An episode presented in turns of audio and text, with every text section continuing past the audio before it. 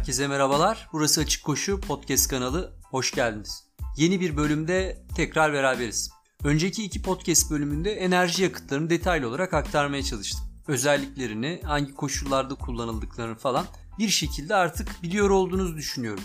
Ancak bu bilgiler çok da yeterli olmuyor. Zira bilgiyi deneyimle birleştirebilmek gerekiyor. Bu bölümde amacımız bu olacak. Podcast fikrinin ortaya çıkışında şu gerçek oldukça etkili olmuştu. Ortalıkta çok fazla doğru vardı. Yani çıkıp bir atletizm pistine gitseniz ve sıradan sormaya başlasınız insanlara nasıl koşmanız gerektiğine ilişkin onlarca farklı cevap alacaksınız. Üstelik çoğu da haklı çıkacak. Çünkü koşu aynı sonuca yüzlerce doğru yöntem kullanılarak ulaşılabilen bir genişliğe sahip. Başarıya ulaşmanın oldukça fazla yolu var ve gidiş yoluna da fazlasıyla puan var burada. Hal böyle olunca size belirli şeyleri dikte etmenin de bir faydası yok yani. İlerleyen dakikalar boyunca her 10 koşu uzmanından en az 4'ünün yapılmaması konusunda hemfikir olduğu şeyleri duyacaksınız. İşe önce yaşayacağınız pişmanlıklarla başlamak istedim. Yani aldığınız bir kararla yarışı daha başlamadan bitiren şeylerle. Kapsam kullanılan enerji yakıtlarıyla sınırlı tabi. Pişmanlık örneklerinin ardından ise bu defa çeşitli önerilerle kaçınılmaz sonuçlardan nasıl sakınırsınız ve nasıl daha uzun ve hızlı koşarsınız önerilerde bulunacağım. Tüm öneriler okuyup araştırdığım kaynaklardan derlemiş olduğum yaklaşımlardan ibaret. Blogda da, blog adresimde de tüm bu yaklaşımların kaynakçası mevcut. Elçiye zeval olmaz diyerek bölüme giriş yapıyorum.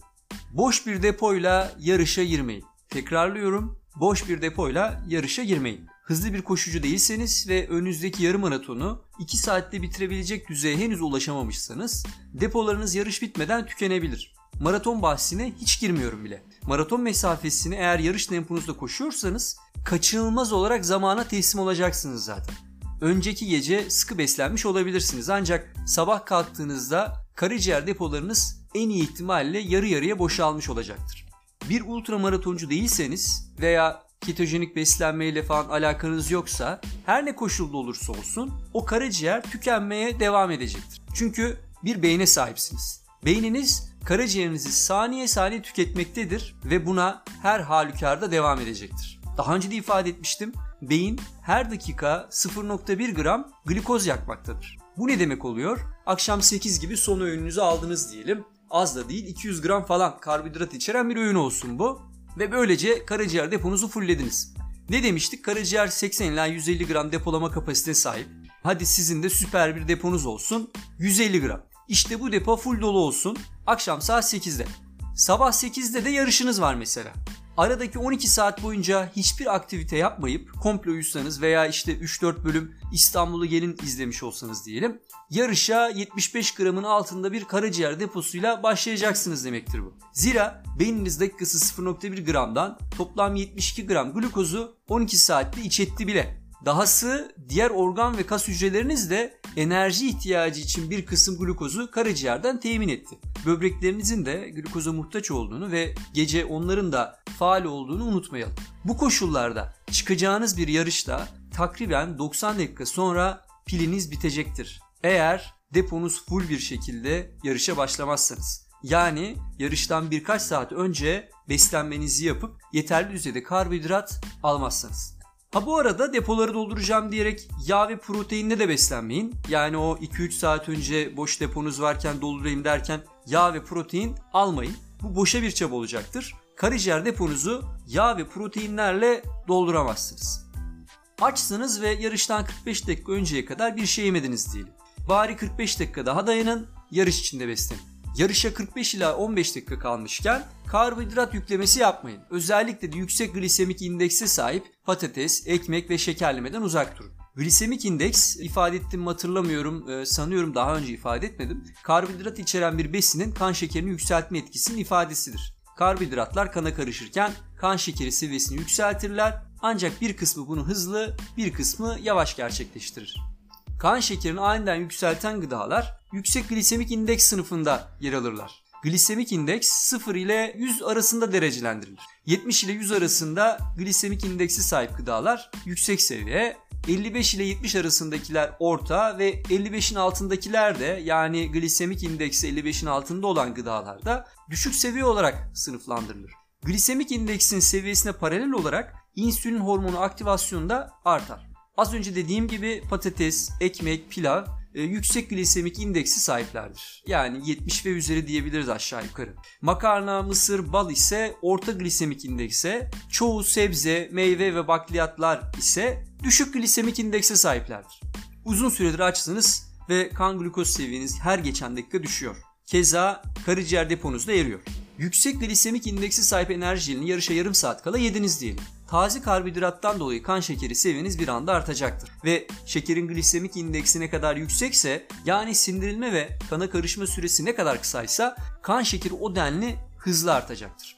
İnsülin artan bu seviyeyi düşürmek için devreye girer ve ortamdaki glukozu karaciğer ve kaslarda depolanması için uzaklaştırır. Besinin sindirilerek insülin devreye girmesi yani ağızdan alıyoruz, mide iniyor, sindiriliyor, sonra insülin devreye göre kana karışırken falan derken 15-20 dakikayı bulmaktadır bu süre.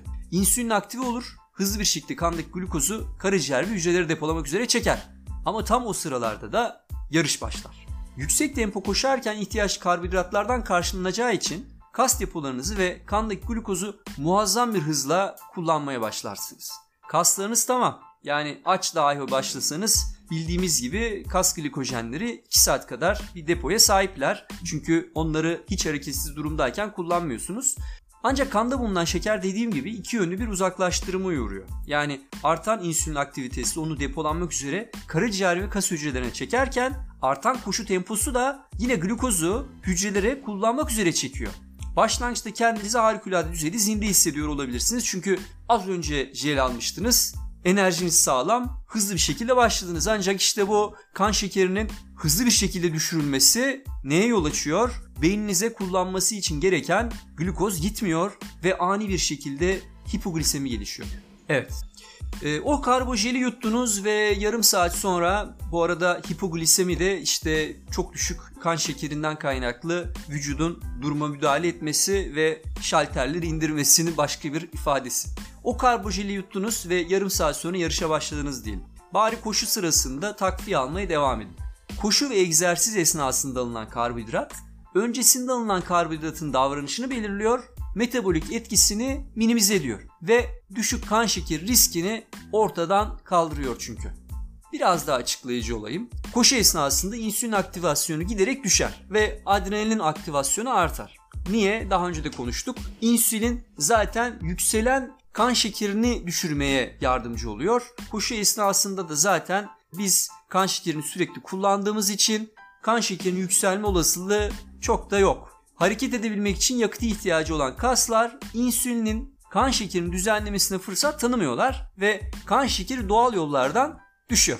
Az önce ne demiştik? Sıkıntı zaten kaslarımızın glukoz ihtiyacından doğmuyor. Beyin ve diğer organların yakıttan yoksun kalması riski doğuruyor. Dışarıdan alınan takviye işte bu riski ortadan kaldırıyor. Ne yapıyor? Sen dışarıdan takviye alıyorsun ve bu takviyenin içerisinde karbonhidratları doğrudan zaten kan şekeri yoluyla, kan yani kana karışan glukoz yoluyla beyin temin etmeye başlıyor. Sonrasında da zaten kan şekeri düşüyor, insülin aktivasyonu tamamen yavaşlıyor ve vücut normal seyrinde koşu temposunda sıkıntı çıkarmadan hareket etmeye, faaliyetini sürdürmeye devam ediyor. Daha fazla yağla beslenerek serbest yağ asidi seviyenizi arttırmış ve egzersizlerde daha yüksek oranda yağ yakmış olmuyorsunuz. Daha önce de ifade etmiştim. Yağ yakımını ne kadar çok yağlı beslendiğiniz değil, ne kadar az karbonhidrat deposuna sahip olduğunuz belirliyor. Haliyle maraton ya da ultramaraton koşuları öncesi ve sırasında beslenirken yüksek yağlı gıdalar tüketmeye çalışmayın. Vücudu bu şekilde yağ yakmaya zorlayamazsınız. Yüksek yağ ve protein ağırlıklı diyet zayıflamanıza yardımcı oluyor. Evet. Ancak bunu sağlayan şey karbonhidrat tüketmiyor oluşunuz. Ne kadar az karbonhidrat tüketirseniz o kadar az yağ depolarsınız. Karbonhidrat depolarınızın boş olması ya da asla tam olarak dolmaması da daha yüksek oranda yağ yakmanıza yol açar koşullarınızda. Karbonhidrat tüketmiyorsanız ve bir şekilde hayatta kalmak istiyorsanız yani açlıktan ölmek istemiyorsanız bir şeyler yemeniz lazım karbonhidrat tüketmeden hayatta kalmanızı sağlayacak iki makro besin var. Yağlar ve proteinler. Sanırım dediğim anlaşılmıştır diye düşünüyorum. Maraton koşacaksanız karbonhidrat takviyenizi asla geç yapmayın. Yarış esnasında alınacak karbonhidratın zamanlaması çok önemlidir. Karbonhidrat karaciğer glikojen deposu hali hazırda azalmış durumdayken alınacak olursa önceliği kan şekeri seviyesini düşürmek ve bu depoyu doldurmak olan insülin geç alınan karbonhidrattaki glukozu hızlı bir şekilde karaciğere taşımaya çalışacaktır. Bu durum hiç takviye alınmamış durumdan daha kötü sonuçlar doğurabilir ve kan şekeri seviyesi çok daha hızlı şekilde düşerek yine hipoglisemi ile sonuçlanabilir. Düşünün siz normal seyrinde koştuğunuzda zaten kan şekeriniz düşecek. Neden? Karaciğer deponuz yavaş yavaş azalıyor. Ancak siz dışarıdan takviye alıyorsunuz ama zaten karaciğer deponuz o an düşük bir seviyede. Karaciğer deponuz düşük bir seviyedeyken dışarı aldığınız takviyeyi bir anda kullanamıyorsunuz enerji üretebilmek için. Ne yapıyorsunuz? Karaciğeri depolanması için yolluyorsunuz ama zaten bu sırada insülin seviyesi de tavan yapıyor. Niye? Kan şekeri bir anlık çıkmıştı ya onu azaltmaya çalışıyor falan derken kan şekeri çok ciddi bir şekilde düşebilir. Çünkü zira karaciğer deponuz zaten kritik seviyeye doğru azalmaktaydı. Gördüğünüz gibi insülin denen hormon habire karşımıza çıkıyor ve sanki yapmaya çalıştığımız şey koşu değil de insülinle başa çıkabilme mücadelesi. İnsülin anti egzersiz hormonu olarak da ifade edilebilir. Gerçi oldukça kötü bir şöhrete sahip olsa da esasında tek derdi sizi metabolizmanızı ayakta tutabilmektir. Homeostaziyi, kabaca iç dengenizi kan şekerini düzenleyerek sağlar ve yapmış olduğumuz egzersizlerin pek çoğu vücudu stresi sokan şeyler olduğu için kaçınılmaz olarak insülinle de bir mücadele içine gireriz. Siz vücudu yeni bir adaptasyon seviyesine çıkarmak için zorlayıp kendinizi strese sokarken insülin de beyinden almış olduğu komutları uygulayarak sizi bu stresten kurtarmaya çabalar. Her neyse maraton da işte bu mücadelenin en şiddetli yaşandığı savaş meydanlarının başında gelir. Egzersiz esnasında alınacak karbonhidratın ilk alınma zamanı ve alınma sıklığına dikkat edilmelidir. Maratonu iki yarım maratonun toplamı olarak düşünmeyin. Yani aritmetik olarak 21.1 kilometre olan yarım maratonun iki katı bir tam maraton etmekte ama hesap pek de öyle değil. Yarım maratonda saatin sonunda alacağınız yani her bir saatin sonunda alacağınız tek jel yarışı tamamlamanıza yetiyor. Ancak bu sonuç maratonda jeli her saat başı alsanız yeteceği anlamına gelmiyor. Kendimden örnek verecek olursam henüz hiçbir 10K ve yarım maraton yarışımda jel ihtiyacı duymadım. Kullanmadım da. Gerçi ihtiyaç mı duymadım yoksa kullanmayı tercih mi etmedim bilmiyorum. İlerleyen dakikalarda ya da ilerleyen haftalarda ifade edeceğim gibi takviye enerji jelini illa depolarınızın boşalma riski var diye almazsınız. Yarım maratonda takviye kullanmıyor olsam da 30K ve üzeri yarışlarda belirli aralıklarla takviyeyi muhakkak kullanırım. Üstelik bu takviyeyi de enerjimin yetmeyeceğini düşündüğüm ilerleyen kilometrelerde değil, yarışın bütününe yayarak her 8K'da, saatte hatta yarım saatte bir alabilirim. Düşünce tuhaf tabi çünkü 8. kilometrede üstelik dolu bir depoyla başlamışken yeterince depo glikojene hala hazırda sahipken neden takviye alsın insan? İleride tekrar döneceğim bu noktaya. Sadece şunu akılda tutmanızı istiyorum. Yarış sadece depoları koruma maksadıyla planlanmaz. Gereğinden fazla da karbonhidrat almayın ama. Evet, geç beslenmeyin dedik ancak 4 saat süreceğini düşüneceğiniz bir maratona koca bir cephane ile de girmeyin. Gereksiz ağırlık demektir bu ayrıca. Öncelikle midenin karbonhidratları sindirmesinin bir maksimum hızı vardır ve en etkili karbonhidrat dahi dakikada 1.2 gramdan fazla sindirilemez. Ve karaciğerde üretilen glukozun da bir salınma hızı vardır. Bu da dakikada maksimum 1 grama karşılık gelir. Saatte 60 gram demek. Yani her yarım saatte bir alacağınız 30 gram karbonhidrat size fazlasıyla yeter, üstü gereksiz hatta zararlıdır. Bu jelleri, takviye hurma, yemiş falan ne kullanıyorsunuz artık onlara çok güvenmeyin. Antrenman açığınızı 10-15 karbojelle telafi edemeyeceksiniz. Daha önce sıklıkla tekrarladım. Dışarıdan alınan takviye asla kas glikojeninin yerine geçmez. Yani dilediğiniz kadar beslenin, kas glikojen deponuz tükenmeye yüz tutmuşsa performansınız düşecektir. Ne demiştik? Dışarıdan alınan enerji yakıtı ancak karaciğer depomuzla ikame olabiliyor. Yani onun kullanımını öteliyor. Yani onun yerini alıyor. Mesela saatte 250 gram karbonhidrat yakıyorsanız bir yarışta ve 70 gramı karaciğer tarafından sağlanıyorsa takviye sayesinde bu payı büyük oranda koruyabiliyorsunuz. Yani takviye ile birlikte mesela saatte 50 gramı takviyeden sağlıyorsunuz. Bu 70 gramın 20 gramını kullanıyorsunuz. Kalan 50 gramı sonraki zamanlarda, sonraki dönemde kullanmak adına depolamaya devam ediyorsunuz. Ne var ki kas glikojen depolarınız için bu durum söz konusu değil ve dışarıdan nasıl desteklerseniz destekleyin kas glikojen seviyeniz geçen her dakika azalıyor. Koruyamıyorsunuz. Kaslarınızda depoladığınız glikojenin sadece bir enerji yakıtı değil, bir enerji üretme sinyali olduğunu da unutmayın bu arada. Hücrelerdeki glikojen varlığı kaslarınızın kasılmasının teminatıdır. Yorulup güçten düşmenizin sebebi yetersiz beslenmeniz değil, zamanında glikojen depolarınızı yeterince büyütmediğiniz ve doldurmadığınız içindir. Antrenmanlar, koşular bunun için vardır. Koşulacak bir maraton öncesi aylarca hazırlanıyor olmanın temel amaçlarından biri budur. Kaslarınızın glikojen depolayabilme kapasitesini artırmak ve daha yüksek oranda yağ kullanarak kas glikojenlerinizin kullanım payını azaltmak. Amaç bir noktada budur. Antrenman programlarının amacı yani kas glikojeni depolarınızı spesifik antrenmanlarla yükseltebilir ve yarış öncesi gün ve günlerde sıkı beslenerek doldurabilirsiniz. Ancak yarışta değil. Size tavsiyem yorgunluk baş gösterdiğinde temponuzu yavaşlatmanız. Böylelikle daha fazla yağ yakmaya başlarsınız ve kas glikojen kullanım oranınız düşer. Ve bu sayede belki de aldığınız karbonhidratları kaslarınızda depolama fırsatınız doğar. Çünkü kullanılmadıkları ölçüde dışarıdan alınan karbonhidratlar depolanabiliyorlar. Vücut nihayetinde koşarken de rutin faaliyetlerini yapmaya devam etmektedir. Ve eğer dışarıdan alınan karbonhidrat o an için kullanılmayacak kadar çoksa kaslarınızda depolanacaktır. Kullanımızın üçte biri oranında dahi olsa depolanabilen miktar saatte 20 grama kadar çıkabilir. 3-5 dakika önce her yarım saatte bir jel aldığımdan bahsetmiştim maratonlarda. Yarışın henüz başı sayılabilecek kısmında aldığım jellerin o an kullanılmayan 2-3 gramı belki de son kilometrelerde kullandığım kas glikojenlerime dönüşmüş olabilir. Maratonu hızlı ve zinde bir şekilde bitirmeme yardımcı olmuş olabilir başta almış olduğum jellerden depolanan kısım. Uzun yarışları asla tek atımlık mermi olarak düşünmeyin. Şimdi biraz da beslenme stratejilerinden, yaklaşımlarından bahsedelim. Derlediğim önerileri aklıma geldikleri kadarıyla paylaşmaya çalışacağım. Eğer benim gibi bir insansanız bir şeyin nasıl yapıldığını öğrenmek sizi tatmin etmez. Nedenini de öğrenmek istersiniz. Bu merak içinizi kemirir. Örneğin daha fazla yağ mı yakmak istiyorsunuz? Uzun mesafe koşu antrenmanı yaparken zamanla vücudun daha fazla oranda yağ yaktığını öğrendiniz artık. Yetmez mi? Bu bilgi bir kısmınıza yetecektir. Ama ben ve benim gibiler neden diye sorarız. Neden uzun mesafe koşarken daha fazla yağ yakmaya başlarız?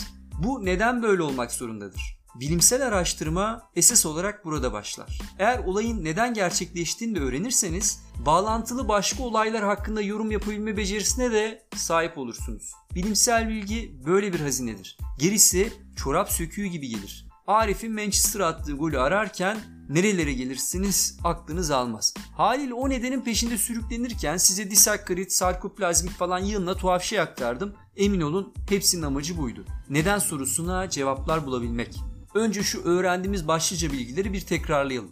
İstirahat halindeyken ve düşük egzersiz seviyesinde yakıt olarak yüksek oranda yağları, spesifik olarak da serbest yağ asitlerini kullanıyoruz. Yağların kullanım oranı egzersizin şiddeti arttıkça azalıyor, kas glikojeni ve kan glukozu yani karaciğerde depolanan glikojenin oranı artıyor. Çok yüksek egzersiz şiddetinde yakıtın neredeyse tamamı karbonhidratlardan, spesifik olarak da kas glikojeninden sağlanıyor. Kesin sayılarla konuşursam, okuduğum iki makalede de benzer sonuçlar çıkmıştı. Belirli sayıda koşucu denek üzerinde düşük tempo, maraton ve daha yüksek koşularda hangi yakıt kaynağını ne kadar kullandıkları araştırılmış. Buna göre örneğin düşük tempoda kalori veya jül cinsinden enerjinin %55'i 60'ı yağlardan karşılanıyor, kalanı karbonhidratlardan. Tempo artsın bir yerde ki buna bazıları aerobik eşik de diyor. Yağlar ve karbonhidratların eşit enerji sağladığı nokta bu. Buradan sonra karbonhidrat kullanımı baskın hale geliyor. Bu arada yanlış anlaşılmasın. Bahsettiğim şey sağlanan enerji yani enerji cinsinden konuşuyorum. Yoksa bildiğimiz gibi her bir gram yağ 1 gram karbonhidratın iki katı üzerinde enerji sağlıyor. Yani toplam enerjinin %60'ı yağlardan sağlanırken dahi aslında kullanılan yağ miktarı karbonhidratlardan az. Maraton temposundayken enerjinin %80'i ila %85'i karbonhidratlardan, kalanı yağlardan karşılanıyor. %95 maksimal performans seviyesinde mesela bir 5K yarışında neredeyse hiç yağ kullanmıyoruz. Şimdi sizinle güzel bir örnek yapalım. Bu Okimax'ı biliyorsunuz. Maksimal oksijen alım kapasitemiz. Maraton maksimal oksijen alım kapasitesinin yaklaşık olarak %80'i 85'inde koşulur. Mesela maraton koşacaksınız ve sizin maksimal oksijen alım kapasiteniz 50 olsun. Bu da şu demek dakikada kilogram başına 50 mililitre oksijen yakıyorsunuz demek. Kilogram ise sizin ağırlığınızı temsil ediyor. Yani ağırlığınıza göre 50 mililitre oksijen yakabiliyorsunuz dakikada. Maraton koşarken ise yakma seviyeniz 50 çarpı %85'ten 42,5 mililitre. 70 kilo ağırlığına sahip olun. 70 çarpı 42,5 bu da dakikada 2975 mililitre aşağı yukarı 3 litreye karşılık geliyor bu. 3 litre oksijen yakıyorsunuz. 1 litre oksijenin kullanılabilmesi için gereken enerji bu arada 20 joule ya da kalori cinsinden 4.78 kilokalori. Bunu da hesaba katarsak 1 dakikada 3 litre oksijen kullandığınızı hesaplamıştık. 3 litre oksijen için dakikada 14.2 kilokalori enerji ihtiyaç var. Bu oksijenleri kullanabilmek için 14.2 kilokalori enerjiyi yakıtlardan temin etmeniz lazım. Bu enerjiyi de işte az önce yüzdesel oranlarını verdiğim karbonhidrat ve yağlardan karşılıyoruz. Ne demiştik? Maraton temposunda enerjinin %80'i karbonhidratlardan karşılanıyor. Hatta bunun %60'ı kaslardan, %20'si karaciğerden, oralardaki glikojen depolarından. Her bir gram karbonhidrat 4.3 kilo kalori enerji açığa çıkarttığına göre 14.2 kilo kalori için 2.65 gram karbonhidrat gerekiyor. 14.2'yi 4.3'e böldüğümüzde 2.65 gramı buluyoruz. Dakikada 2.65 gram karbonhidrat yakıyorsunuz yani maratonda. Bunun 2 gramı da biraz önceki %60 ve %20 hesabına göre bunun 2 gramı da kaslarınızdaki depodan 0.65 gramı ise karaciğer tarafından sağlanıyor. 100 gram karaciğer, 500 gram da kaslarınızda glikojen depolayabildiğinizi düşünelim. Beyin ve diğer organların da saatte 10 gram glukoz kullandığını hesaba katalım. Karaciğer deponuz bu hesaba göre 2 saatin sonunda tükenecektir. Maksimal oksijen alım kapasitesi 50 olan birinin ikinci saatin sonlarında yarışın 30. kilometresine yaklaştığını tahmin edebiliriz. Maraton koşanlara 30. kilometre ve sonrasında neler yaşadıklarını bir sorun isterim. 30. kilometrenin ardından ne gibi çeşitli sorunlarla karşılaşılabiliyor maratonda? Uzayan egzersizlerde depo kas glikojen seviyesi düştükçe kas glikojeninin kullanım oranı da azalıyor.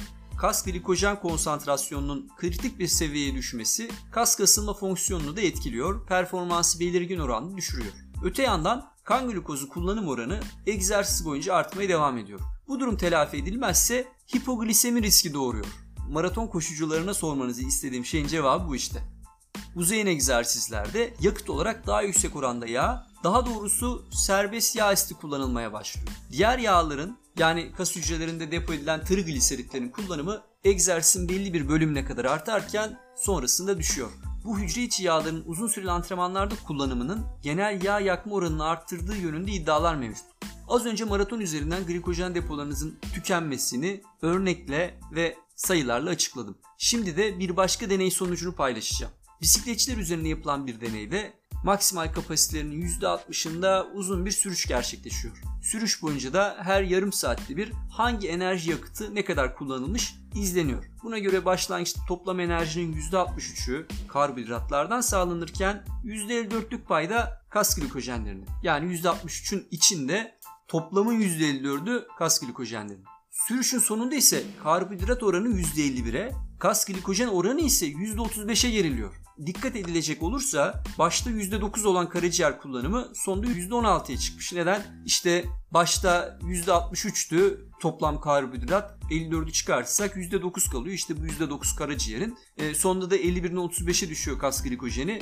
51'den 35'i çıkartınca da 16 kalıyor karaciğer glikojenine. Ama asıl dikkat edilmesi gereken şey şu. Süre ilerledikçe kas glikojen kullanımı kademe kademe azalırken sadece karaciğer deposu kullanımı artmıyor. Yağ kullanımı da %37'den %49'a kadar çıkıyor. Dahası toplam enerjinin %39'u serbest yağ asitlerinden karşılanıyor ki o artık en baskın kullanılan yakıt oluyor. Her iki karbonhidrat depomuz da sınırlı kapasiteye sahip ve 2-3 saat içinde tükenebiliyorlar. Bunu az önce de ifade ettim. Daha kısa sürede de tükenebilirler ancak bunun için daha yüksek bir efor gerekiyor ki o eforda da başkaca nedenler yüzünden performansınız sürdürülemez oluyor. Örneğin laktik asit birikimiyle. karbonhidrat depolarının kısıtlı oluşu vücudu alarma geçirip bahsettiğim önlemleri almaya zorluyor. Diğer yakıtların kullanım oranı artıyor. Egzersizin uzaması protein yıkımına da neden oluyor ve öncelikli olarak esansiyel amino asitlerin, glutamin ve BCA'ların miktarı azalıyor. Bu durumun yorgunluk ve direnç kaybıyla yakından ilgisi var, keza bağışıklık sistemiyle de. BCA'ların azalması serbest tritopanın beyne gidişini kolaylaştırıyor ve tritopan etkileşimi ile birlikte uyku ve miskinliğe yol açan melatonin ve serotonin hormonlarının salınımı artıyor. Bunu da proteinleri anlatırken bir önceki podcast'te açıklamıştım. Diğer yakıtların kullanım oranının artışı performansı da etkiliyor. Yağların baskın olarak kullanıldığı performans aralığı daha düşük tempo seviyesinde ve performansı ister istemez düşüyor. Peki koşucular bu durumla nasıl başa çıkıyorlar? Madem ki yağın kullanımı performansı kaçırılmaz olarak düşürecek, nasıl oluyor da 2 saate aşkın süren mesafelerde negatif splitle yani ikinci yarısı daha hızlı bir yarış koşabiliyorlar. Nihayetinde biraz önceki örneklerde bahsettiğim gibi uzayan mesafelerde özellikle maratonlarda maratonun ikinci yarısı